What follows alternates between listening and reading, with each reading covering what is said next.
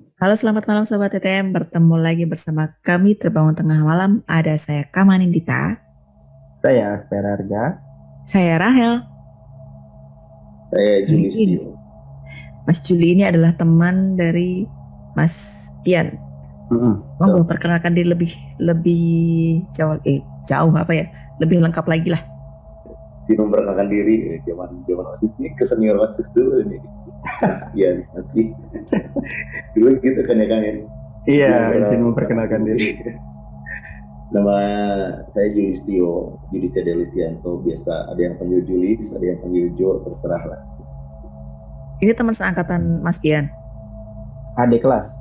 Adik kelas Adik ya. kelas. Mm. Tapi buat saya bukan. bukan saya yang ngomong, bukan saya yang ngomong. Apanya lebih tuaan?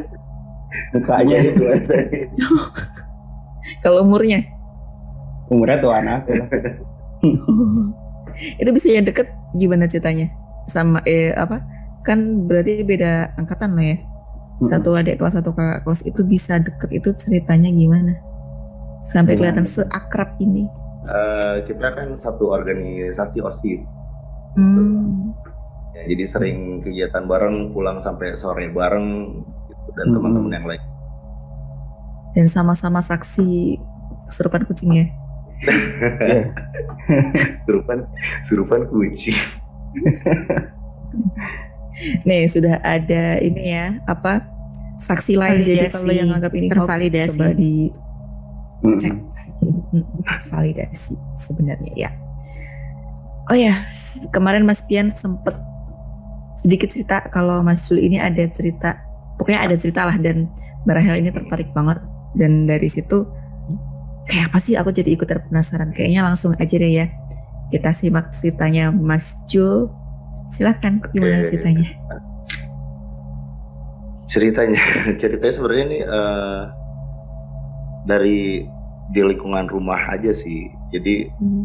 sedikit cerita tentang di lingkungan di rumah itu. Jadi sebelah rumah itu sebenarnya di jalan di jalan jalan kota. Nggak kota sih maksudnya ya jalan jalan besar lah jalan raya rumahnya. Cuman di sebelah itu ada bangunan gedung yang awalnya restoran terus ganti lagi ganti lagi jadi apa jadi nggak pernah bertahan lama. Mm-mm. gitu. Terus eh, ada juga beberapa kejadian di gedung itu. Kebetulan satu tembok satu dinding gitu sama rumah. Jadi kalau kayak suara-suara gitu suka dengeran terus di depan rumah itu di jalan raya itu memang terkenal eh, sama warga situ tuh eh, apa ya jalur maut mungkin ya kalau bisa dibilang. Wih, jadi banyak banyak korban jiwanya gitu. Ya sampai yang paling paling epic lah. Pernah sampai satu mobil elf gitu travel gitu eh, kecelakaan di daerah situ meninggal semua. Gitu. tapi itu dulu sih itu dulu. Tapi cerita horornya masih sampai sekarang gitu. Itu sekilas lah tentang rumah. Nah yang mau diceritain sekarang ini eh, satu cerita dari gedung sebelah dan ada eh, dua cerita yang jadi satu alur tentang di rumah di rumah eh, yang ada hubungannya dengan kecelakaan di jalan. Gitu. Yang pertama eh, yang di gedung dulu kali ya itu mah suara tapi agak aneh. Jadi sebenarnya Kang Aso eh, Mbak Rahel sama Mbak Kamandita ini sebenarnya nggak terlalu horor cuman lebih ke eh, aneh aja freak aja gitu. Nggak terlalu serem yang gimana gitu. Mm. pertama tuh di gedung sebelah tuh pernah eh, saya tuh keluar jam setengah satu jam satuan malam gitu. Keluar rumah jadi gedungnya itu sejajar sama halaman belakang rumah gedungnya itu dan kalau ke belakang halaman rumah tuh gedung tuh kelihatan banget Iya. itu kan di sebelah kan Hmm. itu eh, ada kayak orang maaf Kristiani lagi beribadah Mm-mm. biasanya kan kalau orang Kristen di Hmm. gereja ibadah kan paduan suaranya begitulah ya Kang Iya. Oh. Dian ya Mm-mm. nah itu lumayan apa ya lumayan kencang kedengeran sampai bawah. Jelas Hmm. banget. Sampai bingung heran heran ini siapa yang ibadah di, di dan kedengarannya di lantai paling atas ada tiga, tiga lantai kan. Yang itu kayak lantai paling atas itu kedengeran jelas banget itu eh, suara kayak orang Kristiani lagi ibadah aja paduan suara. Dan itu jam setengah satu atau jam satu malam gitu. Mikirnya gue kan jadi aneh ya. Ini iya. yang nyanyi orang apa? Bukan kalau orang pun ngapain gitu paduan suara tengah malam lebih jam satu udah dini hari kali ya di atas gedung yang waktu itu kebetulan posisi gedungnya tuh lagi kosong. Setelah Hmm. restoran apa sebenarnya itu pernah jadi restoran pernah jadi showroom mobil. Hmm. nah pokoknya gue ngedenger suara itu tuh pas kondisinya lagi nggak nggak dipakai apa-apa gedungnya lagi kosong.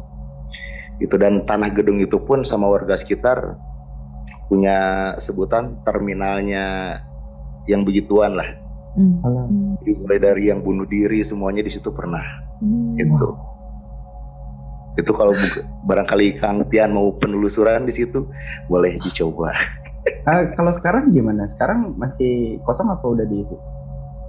sekarang diisi tapi cuman setahu gua sih cuman lantai yang paling bawah sama perusahaan ekspedisi gitulah Oh. Gitu nah, tapi yang lantai paling bawah aja cuman halaman si halaman gedungnya itu jadi eh, kayak food court gitu Oh iya. tapi si halamannya Hmm. gedungnya si lantai dua lantai tiganya sama yang paling atas rooftopnya kayaknya masih masih kosong melompong dan itu saking saking apa saking angkernya mungkin ya Hmm. Eh, setahu gue itu nggak selesai penyeles apa pembangunan gedung bagian dalamnya tuh masih masih masih nggak selesai masih kayak semen doang begitu Iya, iya. Hmm. Hmm. ya sampai pega, pegawainya kuli bangunannya itu pernah eh, dia saking takutnya loncat ke rumah gua kan Wih, loncat dari tembok tuh malam-malam loncat ke rumah gua ngetok-ngetok pintu akhirnya nginep di di ruang tamu Ya berarti Nah, lo iya, itu ke katanya sih. halaman halaman belakang ya berarti ya? enggak halaman halaman halaman halaman depan kan waktu itu kan masih pembangunan Hmm. jadi belum gedungnya belum se ini sekarang jadi Oh. masih bisa bisa bisa bisa apa eh injek injek temboknya tuh masih bisa sampai halaman depan rumah gua tuh Oh Nah, iya. iya. pas di depan depan halaman rumah gue dia loncat tuh tembok kira-kira dua meter setengah ada kali dua meter tiga meteran itu langsung loncat ngetok-ngetok katanya kata si kuli bangunan itu eh, dia tidur di situ malam kebetulan lagi jaga kan lagi pembangunan kan ada yang jaga itu dia mau tidur tuh ada suara bayi kencang katanya nangis Hmm. tapi di bagian paling atas kata si kulinya makanya dia loncat terus tidur di rumah gua waktu itu itu sih lumayan ya nggak terlalu seru cuman aneh gitu Hmm. Serem itu sih. nah yang yang kedua tuh sebenarnya kejadiannya di rumah kan jadi rumah rumah gua tuh kan di depan ada usaha punya orang tua kontrakan Hmm. jadi kontrakan itu ada empat pintu dan nomor satu dari depan itu eh, penghuninya nggak pernah lama gitu. Oke. tanpa alasan yang tanpa alasan yang jelas selalu minta eh, selesai selesai selesai gitu paling sebulan setengahan lah paling lama. Nah itu gua kemarin per- eh, sempat bilang kan yang kegendongan sama Hmm. yang nenek-nenek homeless tuh Hmm. Hmm. nah itu nyambung ceritanya bukan nyambung maksudnya dari sumber yang sama Hmm. di dari kamar itu gitu dari kamar itu. jadi waktu dulu yang kegendongan itu gue zaman waktu SMA itu nggak tahu kenapa emang waktu itu gue pernah duduk di teras kontrakan gue itu duduk nggak tahu ngapain lah pokoknya duduk setelahnya sore apa malam apa besoknya gitu gue nggak bisa nggak bisa tegak. Nggak bisa tegak. Gue bungkuk aja gini terus bungkuk. Jadi gue sekolah sekolah bungkuk nongkrong sama temen-temen juga. Kalau kalau badan gue berusaha di dilurusin tuh tulang belakang tuh kayak ditarik gitu. Oh. Hmm. itu nah itu ber hampir berapa minggu lah gitu begitu. Dan diobat ke medis ke rumah sakit ke klinik juga cuma dikasih obat. Mereka juga kan ya pokoknya kasih obat lah nggak nggak nggak mau menjelaskan yang aneh-aneh mungkin ya. Hmm. gue sembuhnya itu pas dibawa ke kampung halaman gue lah di salah satu desa di Hmm. itu baru sembuh di situ sama kiai gitulah ajengan kalau kata orang Sunda. Itu katanya ada yang ikut gitu ada yang gendong di situ. Setelah gue itu kerasa banget dicabutnya itu Oh iya. pertama kali gue kan nggak ada nggak ada apa-apa di punggung gue tapi begitu proses penarikan tuh kayak ada ada kayak ada yang nahan ada yang nahan Ah. kayak nggak mau lepas gitu tapi nggak ada apa-apanya Kayak nyengkram Akhirnya gini sampai-? Hah? Kayak Nggak- nggak nggak gitu ya? kerasa nggak nggak kerasa eh, physically nggak nggak kerasa sih teh cuman kayak apa ya kayak badan tuh kayak ada yang narik ke belakang gitu Hmm. rasanya dan setelah itu langsung panas banget badan belakang setelah di tarik itu dan katanya kata yang yang nariknya itu eh, itu tuh yang diem di kontrakan nomor satu yang punya orang tua itu dan itu korban kecelakaan yang di depan rumah dan Oh. itu eh, eh, itu betah di situ katanya. Betah di kontrakan yang nomor satu itu yang yang rumah gue itu. Se- Nah setelah diambil itu sebenarnya udah dibuang katanya. Hmm. Jadi kalau orang dulu kan orang dulu biasanya udah udah diambil yang begituan dimasukin kendi kan. Gue lihat tuh dimasukin kendinya. Hmm. Nggak ngelihat wujudnya, cuman dimasukin kendi begitu diikat. Gue ikut ngebuang tuh di di salah satu kali lah, salah satu sungai gitu. Itu dibuang, tapi eh, belakangan ini ada yang bisa katanya sih bisa lihat juga katanya. Masih di situ balik lagi katanya. Eh, balik Hmm. lagi dan masih di situ. Dan cukup mengganggu beberapa penghuni sampai sekarang. Bahkan sampai kemarin terakhir ada yang kontraknya belum selesai tapi dia Hmm. milih cabut gitu.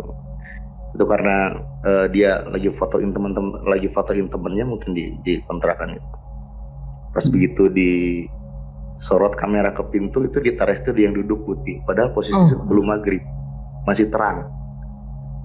Masih terang tangkap itu. kamera. ketangkap kamera. Tapi karena kaget kar- karena kaget mungkin begini kan. Begini. Jadi temannya tuh ada di pintu ada di depan dia. Hmm. pintu luar gitu. Setelah pintu teras. Dari dia mau mau ngambil foto temennya mungkin. Hmm. begitu ngambil foto temennya dia nyalain kamera kameranya diarahin Eh temennya di bawah lagi duduk di bawah di lantai. Eh di teras di atas ada yang duduk juga putih. Oh. dia kata kata kata dianya begitu. Kata dianya begitu. Dia langsung nurunin kamera ngelihat ke depan teras nggak ada. Tapi begitu diangkat lagi kameranya udah nggak ada. Hmm. besoknya di pintu kontrakannya itu sama dia inisiatif langsung dikasih ayat-ayat gitu. Terus nggak lama Hmm. beberapa hari dia dicabut Hmm. gitu.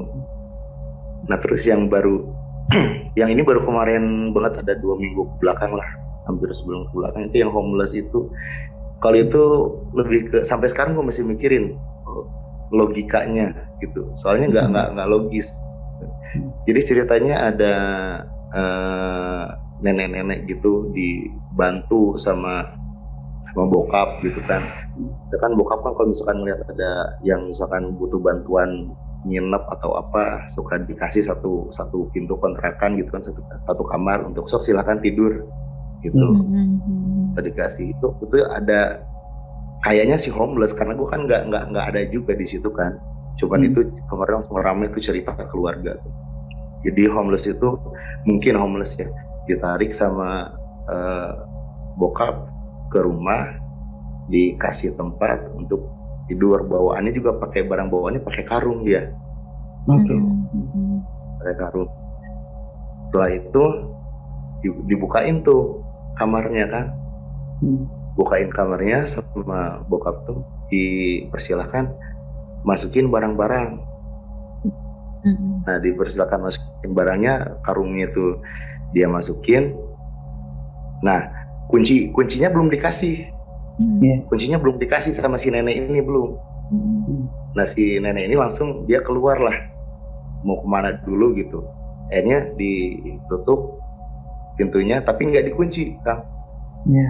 nggak dikunci. Nah, kalau berdasarkan bokap gua, si nenek itu eh, datang pulang lagi ke kontrakan dan bokap gua ngasih kunci Iya. Hmm. nenek itu kasih kuncinya itu karena ya masih jelas kan nenek ada wujudnya gitu Hmm. udah dikasih kunci masuk si nenek itu kata kata bokap ya masuk udah selesai yang nggak logisnya, uh, gue nggak tahu ini jaraknya waktunya jam atau besoknya atau gimana. Si nenek itu datang lagi dari luar, Hmm. Eh.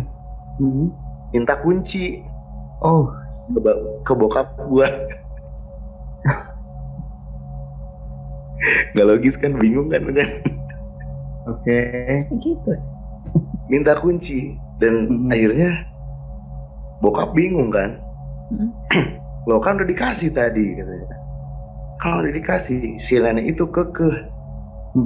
Hmm. dia keke nggak itu kejadiannya di, di yang tadi gue bilang kontrakan nomor satu tuh yang yang korban kecelakaan yang ikut gendong gue dia betah di situ Oke. betah di kamar itu itu bokap gue udah ngasih kunci si neneknya nggak ngaku nggak Hmm. ngaku si neneknya itu kan malah ya namanya nenek-nenek ya kadang agak ngegas gitu kan mungkin malah Hmm. eh, kalau bahasa Indonesia mungkin belum saya belum nerima kunci gitu Hmm.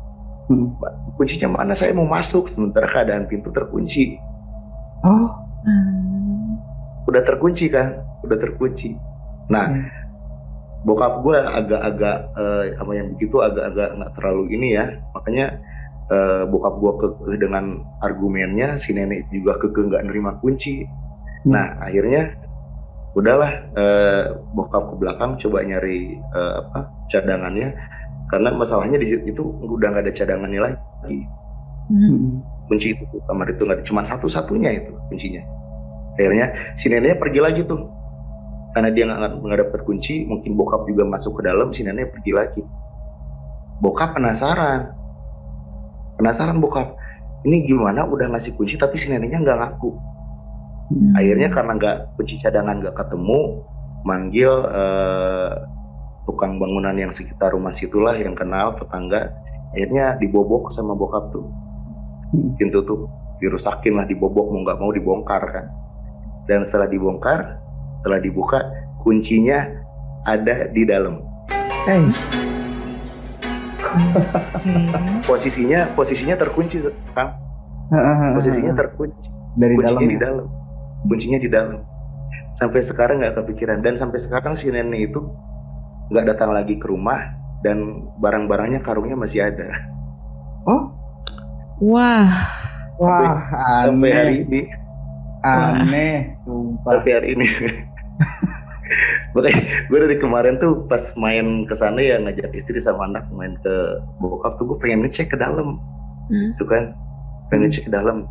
Kata kata kata nyokap sih pas dibuka isinya cuman kain-kain bantal mungkin kalau dia tidur di jalan kali ya Iya. buat tidur cuman nggak dibongkar gitu cuman ngelihat ngebuka karung cuma Iya. lihat oh bantal kain tutup lagi cuman kan kita nggak tahu di bawahnya ada apa gitu kan gue ser seremnya biasanya begitu begitu kan mau nyampein pesen ya Iya. takutnya gitu Hmm. atau minta tolong atau apa terakhir gua tanya sih ke rumah sana belum balik lagi si nenek-nenek itu dan karung dan barang-barangnya masih ada dan yang masih jadi pikiran sekarang itu gimana caranya kunci bisa kekunci dari dalam. Kunci nah eh, logiknya berarti harusnya yang benar bokap dong kuncinya udah dikasih si neneknya masuk terus dikunci. Itu Mhm. logis. Nah kemudian nggak lama setelah itu mungkin serang berapa jam atau berapa satu hari si neneknya datang lagi minta kunci lagi dan si nenek itu keke nggak nerima kunci begitu pintunya didobrak paksa dibobok dirusak ternyata kuncinya nyangkut di dalam dalam kondisi terkunci gitu mungkin sih, mas Sumpah pusing. Nggak maksudnya. Jadi jadi langsung mikirin beberapa beberapa kemungkinan ya. Hmm. Bisa iya jadi nenek itu pelupa. Tapi gimana nenek itu keluar? Caranya keluar. Hmm. Ah, ah. sementara masih jen- kekunci. Heeh, jendela jendelanya itu di permanen di ditutup permanen kang. Oh, jadi di di dipaku gitu. Si slotnya tuh dipaku sama bokap. Hmm. Jadi Ini- satu-satunya oh. jalan di pintu itu ya. iya. Atau gua gua juga kemarin bilang mungkin jendela kebuka kali. Iseng loncat si neneknya kata gua gitu. Hmm. pas di pas dicek masih masih solid masih pakunya masih masih ancelep nggak rusak Hmm. nggak ada yang nyongkel itu masih jadi pikiran sampai sekarang kenapa bisa kekunci di dalam? Terus yang waktu itu dikasih kunci sama bokap siapa? Gitu. Terus waktu sih ya jadi kayak ada dua dimensi gitu gak sih? Jadi si Hmm. nenek ini masuk masuk setelah nerima kunci dari bokap gue masuk terus mungkin mengunci pintunya. Sementara di waktu setelahnya ada nenek-nenek lagi yang sama datang minta kunci. Hmm. Nah pertanyaannya nenek-nenek yang bener yang mana. Oh, sungguh. Iya. Sungguh. Kita serahkan nggak- aja ke para hal horor-horor banget sih cuman memusingkan saja Horor lah gila. pusing Nah, tapi Hel. gini Jul, bentar. Pas minta kunci, neneknya udah nggak bawa karungnya. pas min- pas minta kunci katanya mah udah enggak karena Hmm. nah ini juga yang bikin bingung nih. Si neneknya si nenek yang kedua yang minta kunci ini yang dia kekeh minta kunci dan dia kekeh nggak ngaku belum nerima kunci dia ikut masuk masukin barang ke dalam. Oh, itu dia ingat. Oh, itu dia. Makin pusing lagi. Oke, oke. jadi si, si nenek si nenek yang kedua datang ini mungkin mikirnya si pintu itu dikunci sama bokap gua. Ngerti nggak Iya, iya, Iya iya. iya iya. iya. Jadi momen-momen mereka berdua tuh nenek-nenek sama bokap gua masukin barang tuh ingat Ingat. dia, Hmm. ingat gitu. Terus dia pergi. Iya, harusnya kan alurnya begitu kan, Mbak ya. Terus dia pergi harusnya kan, Hmm. gitu. Terus Ah. balik balik lagi minta kunci buat buka kunci karena pas Buka begitu dia pintu. datang posisinya terkunci. Itu alur yang alur yang normal. Harusnya Hmm. Cuman ini nggak begitu. Epic. iya. Ya tapi Dan dulu nggak ada siapa-siapa. tapi kan nggak gini. eh, waktu dia pergi setelah masukin barang dia pergi kan si nenek itu tidak bawa kunci kan? Enggak, kata si Enggak. neneknya. Kata si neneknya. Tapi perasaan Kata dari si bapak di, udah kasih kuncinya. udah dan mungkin kayaknya bukan perasaan deh soalnya kan eh, bapak nggak begitu eh, berumur juga kan masih Hmm. masih inilah masih awas lah kalau kata ini masih belum pikun belum apa dan itu ingat jelas dan kejadiannya tuh kemarin tuh bilang tuh sore apa apa waktunya gua kurang kurang inget juga kemarin waktu cerita tuh dan itu satu rumah bingung itu semua gimana caranya kunci ada di dalam itu. sampai sekarang sampai adik-adik gue nggak nggak berani ke depan Tuh. Coba mari kita pecahkan sama-sama Cuman gini, tadi kalau aku nggak salah tangkep, itu kan di, si neneknya kan pergi kan, habis masukin barang. Terus eh, di, si neneknya balik lagi minta kunci, terus kuncinya diserahkan. Habis itu dia masuk kamar, terus tutup kamar gitu, bukan? Lalu yang yang berapa menit kemudian ada lagi nenek-nenek datang, nenek yang sama yang homeless Mhm. itu, terus dia baru minta Mhm. kuncinya. Bener nggak sih kalau aku yang tangkep? iya ah, ah, Hmm. bener bener Berarti sempat ada kejadian setelah masukin barang itu si nenek itu pergi tidak membawa kunci. Kunci posisi masih ada di bapak. Terus tiba-tiba ada Ah. nenek-nenek datang, dia minta Iya. kunci kan. Diserahkanlah kuncinya itu. Si nenek Ah. itu masuk ke kamar, Mm-mm. terus tutup pintu. Sudah selesai dong urusannya harusnya. Lalu tiba-tiba iya. berapa menit kemudian ada nenek-nenek yang sama perwujudannya, dia meminta kunci. Karena dia bilang, saya baru datang nih pak, saya mau masuk kamar, saya mau minta kunci. Ah, ah, belum nerima kunci Heeh. iya iya begitu Dan nenek-nenek yang di dalam belum keluar lagi dan hilang. belum keluar lagi ah. jadi sebenarnya bukan bukan eh, yang waktu momen bokap ngasih kunci itu bukan si neneknya yang minta sih jadi mungkin bokap ngelihat si nenek itu datang lagi dan bokap inisiatif ngasih kuncinya Iya. gitu jadi ini nih, kuncinya gitu kalau mau ke mana-mana kuncilah pintunya gitu kan. Udah dikasih tuh kuncinya udah serah terima kunci. Gitu. Setelah itu ya nggak tahu berapa jam atau besoknya datang lagi tuh nenek-neneknya minta minta kunci. Kalau yang kali ini minta. Bukan bokap Oke. yang ngasih minta. Makanya bokap heran. Loh kan udah dikasih gitu.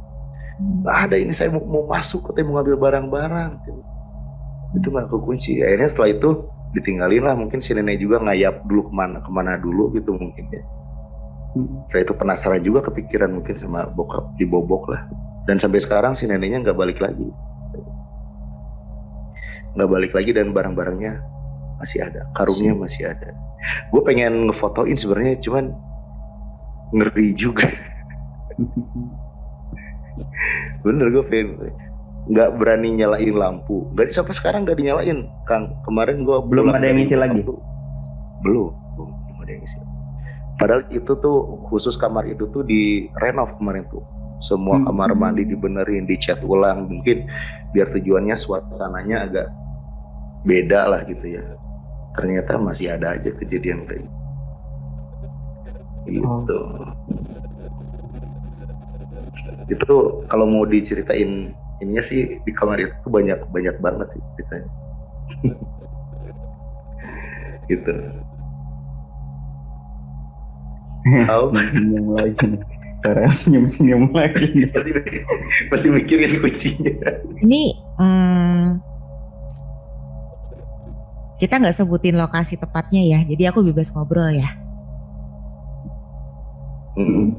Sebelah bangunan itu dipergunakan untuk sekte. Sekte sesat. Sekte pemujaan bangunan yang sebelah itu. Sempat hmm. dengar ada kayak orang ibadah Nasrani kan, puji-pujian. Hmm. Hmm. Kayak tersesat seperti itu. Dan gue merinding.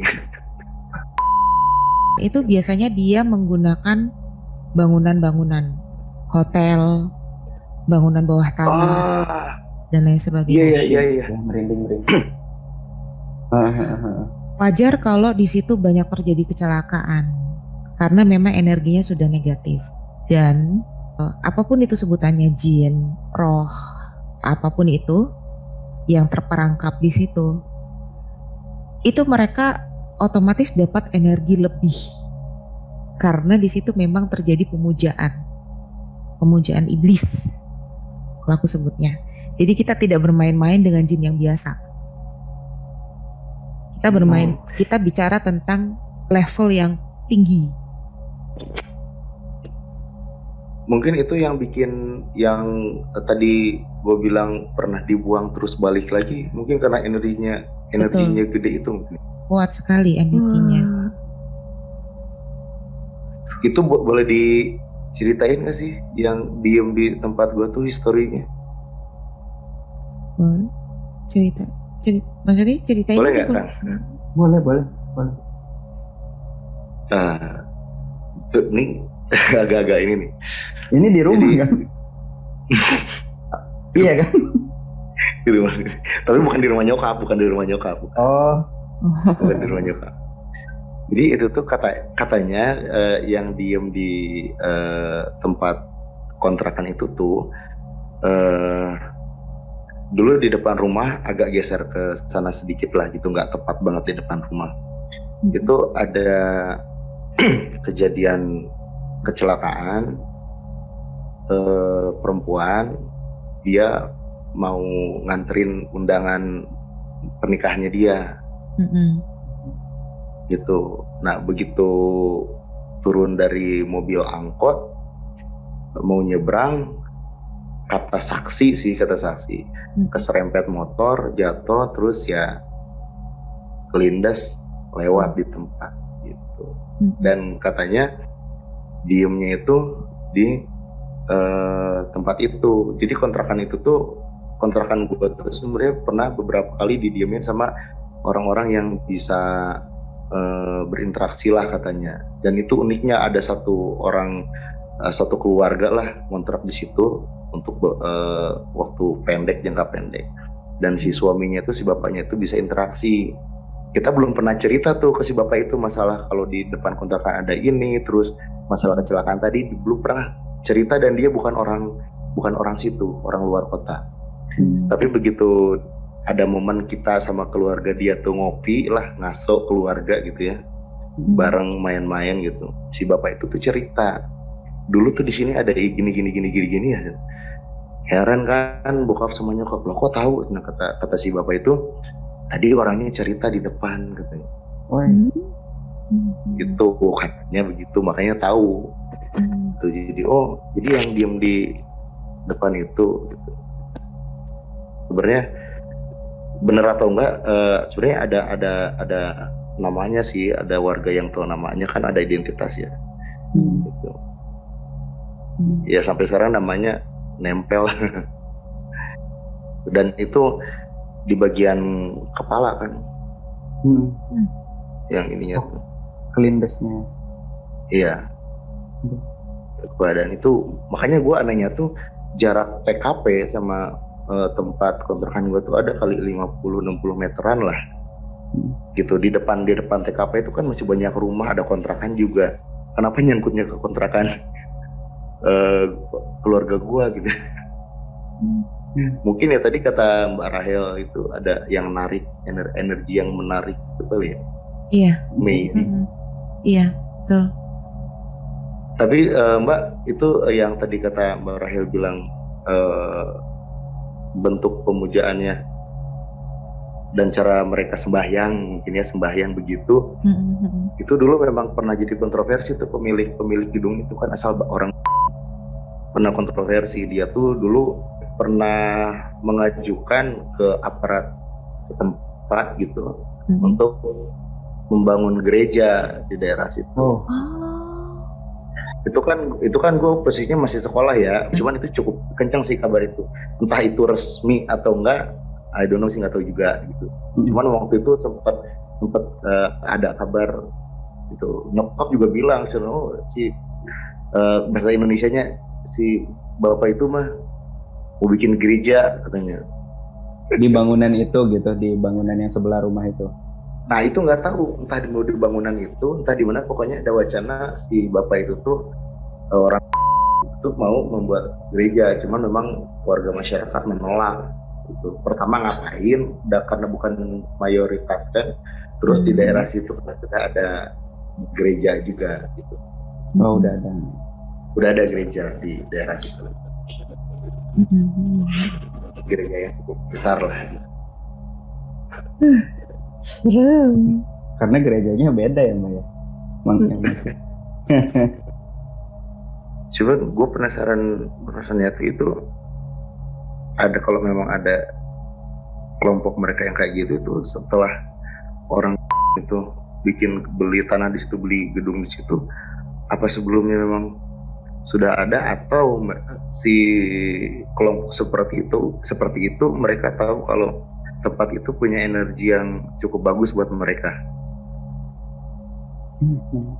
soalnya itu tempat itu terkenal hmm ter, terkenal itu aja sebelum sebelum ada yeah. orang dan belum ada gedung itu yeah. terkenal hmm. angkernya yeah, itu betul hmm, tidak sembarangan orang membangun kita sebut aja GS ya hmm. itu uh, tidak sembarangan memang ada tempat mereka selalu mencari eh, tempat-tempat uh, yang punya energi yang kuat supaya bisa bisa membuka portal lebih gampang gitu Hmm. Akses. Ya, akses ke ke Tuhan mereka gitulah ibaratnya. Ya. Karena untuk memanggil itu kan nggak sembarangan. Nggak sembarangan, harus ada ritual khusus dan persembahan yang nggak main-main. Oh, mana gua deket lagi sama anaknya dulu. Wah. Gak maksudnya teman teman main kan cowok anaknya kita kalau main mbak kita kita main waktu uh, yang sekitaran tetangga rumah tuh ya ada berempat berlima anak kita kalau main di situ karena itu bangunan belum jadi kan kita main tembak-tembakan main kelereng terus hmm. uh, main bola-bolaan gitulah terus kadang sama orang tuanya dia juga waktu itu dia kan restoran pertamanya hmm. dia kita main ke situ tuh kalau ditubuhin ya makanan-makanan menu restorannya. Hmm. Gue jadi ngerinya sekarang nih. Udah lewat. Mereka kalau kalau hidup di masyarakat memang sangat baik sih. Baik banget. Iya, baik ya, membantu, bener. ramah. Ramah, baik. Iya, untuk merekrut. Malah hmm. nawarin nawarin ini apa? Uh, itu kan karena dia setembok sama rumah gue ya. Hmm. Jadi ada beberapa uh, serpihan bangunan yang emang merusak atas, kan merusak merusak atap. Itu dia tawarin udah dirombak total gitu dibenerin semua atasnya Jangan. daripada cuma Wah. iya memang ada pernah ada penawaran gitu. Tapi ditolak kan? entah ditolak entah sampai sekarang nggak dilaksanakan itu tapi dulu tuh emang emang nggak tahu kenapa nyokap tuh selalu apa ngelarang gua kalau uh, naik ke gedung itu gitu tapi tapi karena emang yang paling bagian atas tuh rooftopnya itu main di situ enak banget emang kita berlima atau berenam itu selalu main di situ Hmm. enak enak aja gitu ini ya Hmm. mungkin Iya, karena kalau- di atas angin. Karena karena kalau misalnya ada ma- anak main di rooftop jatuh mati kan nggak terlalu Ya. kawan banget Oh. kalau untuk dipersembahkan. ah ah iya iya iya pernah pernah itu kejadian aneh gue main layangan di situ kang bener Gimana gimana? Iya di di atas itu yang kejadiannya bukan gue sih temen temen gue yang lebih kecil dari gue Mm-mm. itu SMP-an gitu temen gue tuh kelas 6 SD apa itu kita main layangan tiba-tiba si gulungannya teman gue tuh yang yang rada kecil tuh lepas Mm. lepas dia kejar Hmm. kejar itu Oh. kan temboknya nggak terlalu tinggi kan Hmm. temboknya pembatasnya nggak terlalu tinggi dia kejar si layangannya udah udah keluar dari area gedung tuh udah terbang sama gulungan-gulungannya dia masih mau kejar Iya. itu kalau Oh. nggak ditahan sama teman gue yang lebih gede itu nggak tahu itu Hmm. loncat kali Astagfirullah. Udah di setting. iya itu ketahan itu Berarti ketahan sama sih teman-teman gue yang lebih gede itu Ya kalau ya. lagi pemikiran normal ya, tapi nggak tahu sih kalau anak kecil. Cuman sekecil-kecilnya juga kayaknya mikir sih itu di atas. Dan maybe ya Mungkin, kalau mungkin. kalau kita gitu berpikir normal sebagai anak kecil gitu, Hmm. ah ya udah biarin aja gitu lah, biarin terbang aja gitu daripada jatuh gitu. Tapi dia nggak kepikiran kayak gitu waktu itu. Enggak dia dia dia kejar soalnya kan atasnya tuh cukup luas kan Mm-mm. jadi buat seumuran kita tuh lari-lari di situ ya maksudnya bisa bisa lari-lari lah gitu Hmm. Jadi kebetulan eh, di satu sisi kita main layangan gitu kan di sisi gedung itu. Hmm. Nah si layangannya itu dia entah kelepas, entah gimana. Pokoknya intinya lepas dari tangannya dia. eh, terbangnya tuh ke arah sisi seberangnya, ke sebelah sananya. Jadi kan cukup jauh tuh jaraknya tuh. Dia Iya. lari, dia kejar. Terus di atas itu ada Untungnya nggak sih kayak besi-besi yang mencuat dari ada, ada mungkin karena bar- bangunan baru kan. Mm. Itu karena mungkin waktu Semua dulu, sudah waktu disetting. Dulu, semua sudah disetting sebenarnya untuk Ya persembahan. Berat banget sih. Tapi kan Berat. enggak ya. Mereka mikir tidak melakukan, baru ya. mereka tidak melakukan, mereka tidak membangun tanpa alasan. Sedetil apa pun mereka perhitungkan. Enggak, gue seremnya nih Mbak Rahel nih bisa baca di tempat gue ini ada apa. Sumpahnya dari tadi aku tapi tapi ketahan ya tadi tadi ketahan nih Jo si anak tadi ketahan kan. Ketahan, jadi ada ada satu anak yang lebih gede lah. Kalau misalkan Hmm. gue SMP, dia kayaknya kelas atau SMA-an gitulah. Dia ikut lari juga soalnya. Dia ikut Hmm. lari, itu layangannya udah lepas, banget udah jauh. Itu udah mau deket tembok, di si celananya tuh ditarik sama yang lebih gede tuh. Ditarik emang jatuh dia kan. Hmm. jatuh agak merosot celananya karena ditarik celananya kan dia nangis nangis karena layangannya lepas gitu, Iya iya. gitu. cuman mungkin ya kalau kalau nggak ditahan ya walau alam apa yang terjadi itu eh, waktu itu tuh bangunannya tuh masih ingat mungkin sekarang juga kalau yang di sisi bagian setembok sama gua tuh memang kayak nggak diberesin gitu gitu loh kang jadi apa fondasi-fondasi si kayu-kayu eh kayu-kayu apa besi-besinya itu Iya. masih di samping gedung tuh masih keluar-keluar gitu Hmm. kalau waktu dulu memang di atas masih banyak eh, yang besi-besi yang keluar gitu kan ya gue Karain. mikirnya waktu itu ya baru dibangun ya kan baru pembangunan Tapi- belakang. Jangan lupakan nenek-nenek homeless. Itu masih Iya. di- Enggak tapi bener itu jadi jadi cerita sekarang gue nunggu endingnya. Gue juga nunggu endingnya. Gue pengen tahu nih. Gue sampai ke adik adik gue yang cewek bilang, e, Neng kalau si nenek itu datang eh ceritain ya gimana kelanjutannya gitu. Dia Itu sudah berapa ya, gitu. tahun berlangsung Apanya? dari nenek itu pergi? Kemarin baru Baru kemarin. Oh, baru dua minggu apa ya kira-kira dua tiga atau sebulan yang lalu lah. Hmm. dan sampai sekarang masih ada si Dicek. barang-barang Pelan Dicek ya, dulu deh barangnya. Dicek dulu. Eh. Itu sih yang yang kurang berani Kenapa, Mbak? gitu.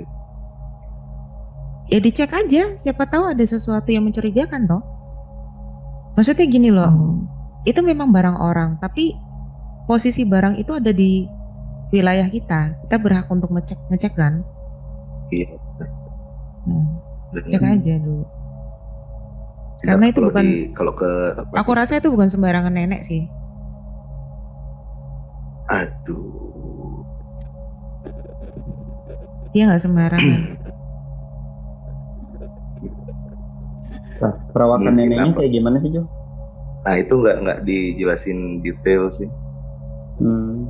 Masih seger ya. cuma masih seger Nggak, maksudnya ya masih segar apa nenek-nenek kan Sehat, yang yang tegap kepo gitu. kayaknya gue kan belum belum ngobrol terlalu jauh ya sama bokap sama adik-adik juga cuman kalau gue perhatiin kalau gue main ke lagi main ke rumah nyokap gitu ke rumah bokap di depan itu memang ada kontrakan lagi tapi itu untuk toko. Jadi memang ada yang usaha di situ. Ada yang usaha di situ. Nah di depan usahanya dia itu kalau gue lagi main ke situ atau lagi mampir ke situ memang suka ada kayak pengemis kayak pengemis sih. Nenek-nenek agak bungkuknya kelihatan homeless banget lah. Hmm. tapi dia ramah gitu. Kalau gue ngelewat tuh dia eh, senyum sambil kalau kalau orang Sunda tuh dia bilang tuh cep. Nah Hmm. Hmm. cep gitu kayak mas gitu kan. Hmm. sambil sambil gue lewat cep mangga nek gitu silakan nek gitu. Mangga mak gitu. Dia duduk aja duduk sambil naro karungnya dia. Cuman gue belum nanya tuh nenek-nenek itu apa bukan gitu kan. Takutnya sama dengan apa yang gue pikirkan nenek-nenek itu gitu kan soalnya Hmm. bokap sama bokap sama adik-adik gue juga nggak nyeritain ke gue detail nenek-neneknya kayak gimana Hmm. pokoknya nenek-nenek aja gitu super Terus saya masih biasanya biasanya masih bisa eh, kita asumsikan dengan logika, cuman dari tadi coba-coba Gak ketemu.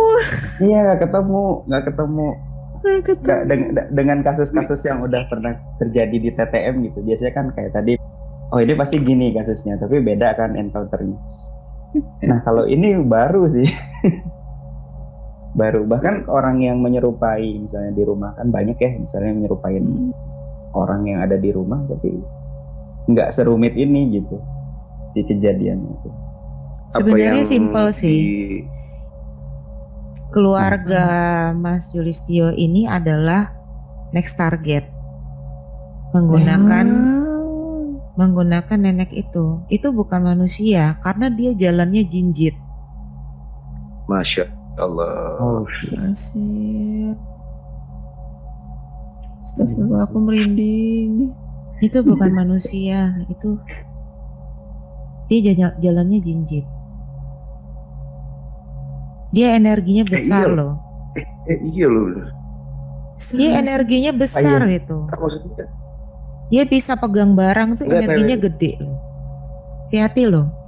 nenek-nenek nggak yang gua bermain. ceritain Iya, kita nggak berbicara dengan jin biasanya. Ini udah level demon, hati-hati loh. apa nenek-nenek tadi kenapa Jo? Iya ya, yang maksudnya yang yang gua anggap gitu kan yang gua anggap kemarin mungkin itu si nenek-nenek yang dimaksud bokap gua kan yang suka ny- senyumin gua gitu. Hmm. Itu bahkan sempat kasih roti loh ke dia kan gua kasihan kan dia duduk di depan barangkali belum makan gua kasih roti. Gua Hmm. sekali dua kali pernah lah. Itu kalau pas dia jalan memang memang jinjit sih. Oh Karena perwujudan Oh aslinya tahu nggak? Perwujudan aslinya Apa mbak? kakinya kaki kambing. Hati-hati loh. Ini Ah, demon. itu dia. Segera bongkar Iya. barang itu. Kalau perlu Mending buang. iya deh. Hmm, Kalau perlu ya Allah alam sih ya Allah alam. Cuman eh, Mbak Rahel itu kan kemarin kan lu kasih kisi-kisi kan di IG kan. Aku kirim ke grup. Mm-mm. Nah terus eh, Mbak Rahel tertarik kan sama cerita nenek-nenek homeless ini. Sebelum cerita ini dimulai Mbak Rahel udah tahu wujudnya, terus dia udah bilang kakinya jinjit, jalannya jinjit. Nah, Dita kenapa? sebenarnya sebenarnya ada ini ada ini Kang ada kejadian yang gua anggap biasa gitu Hmm. dari itu mah dari dari sebelum gua nikah masih bujang masih tinggal di situ setiap kalau apa eh, pas lagi laginya kebelet malam tuh eh, BAB misalkan ya BAB kan makan waktu cukup lama tuh kan Iya. tuh eh, suara tuh pasti kedengeran saking seringnya gua anggap biasa gitu Hmm. gua gua mikirnya mungkin eh, ada memori tentang historinya gedung ini dulunya apa mungkin ya Oh, dulu kan itu kan dulunya restoran tuh Hmm.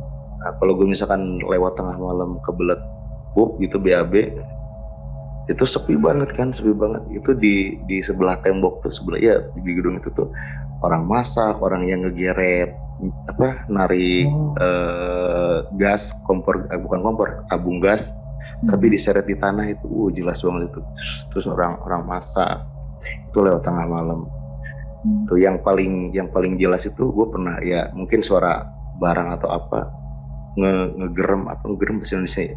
hmm, Menggeram. Hmm. itu di luar di luar toilet ya di, di masih di halaman gue cuman di luar di luar toilet itu jelas tapi yang kayak gitu gitu gue anggap biasa kan ah tiap tiap BAB juga begini udahlah biarin gitu Nah, Hmm.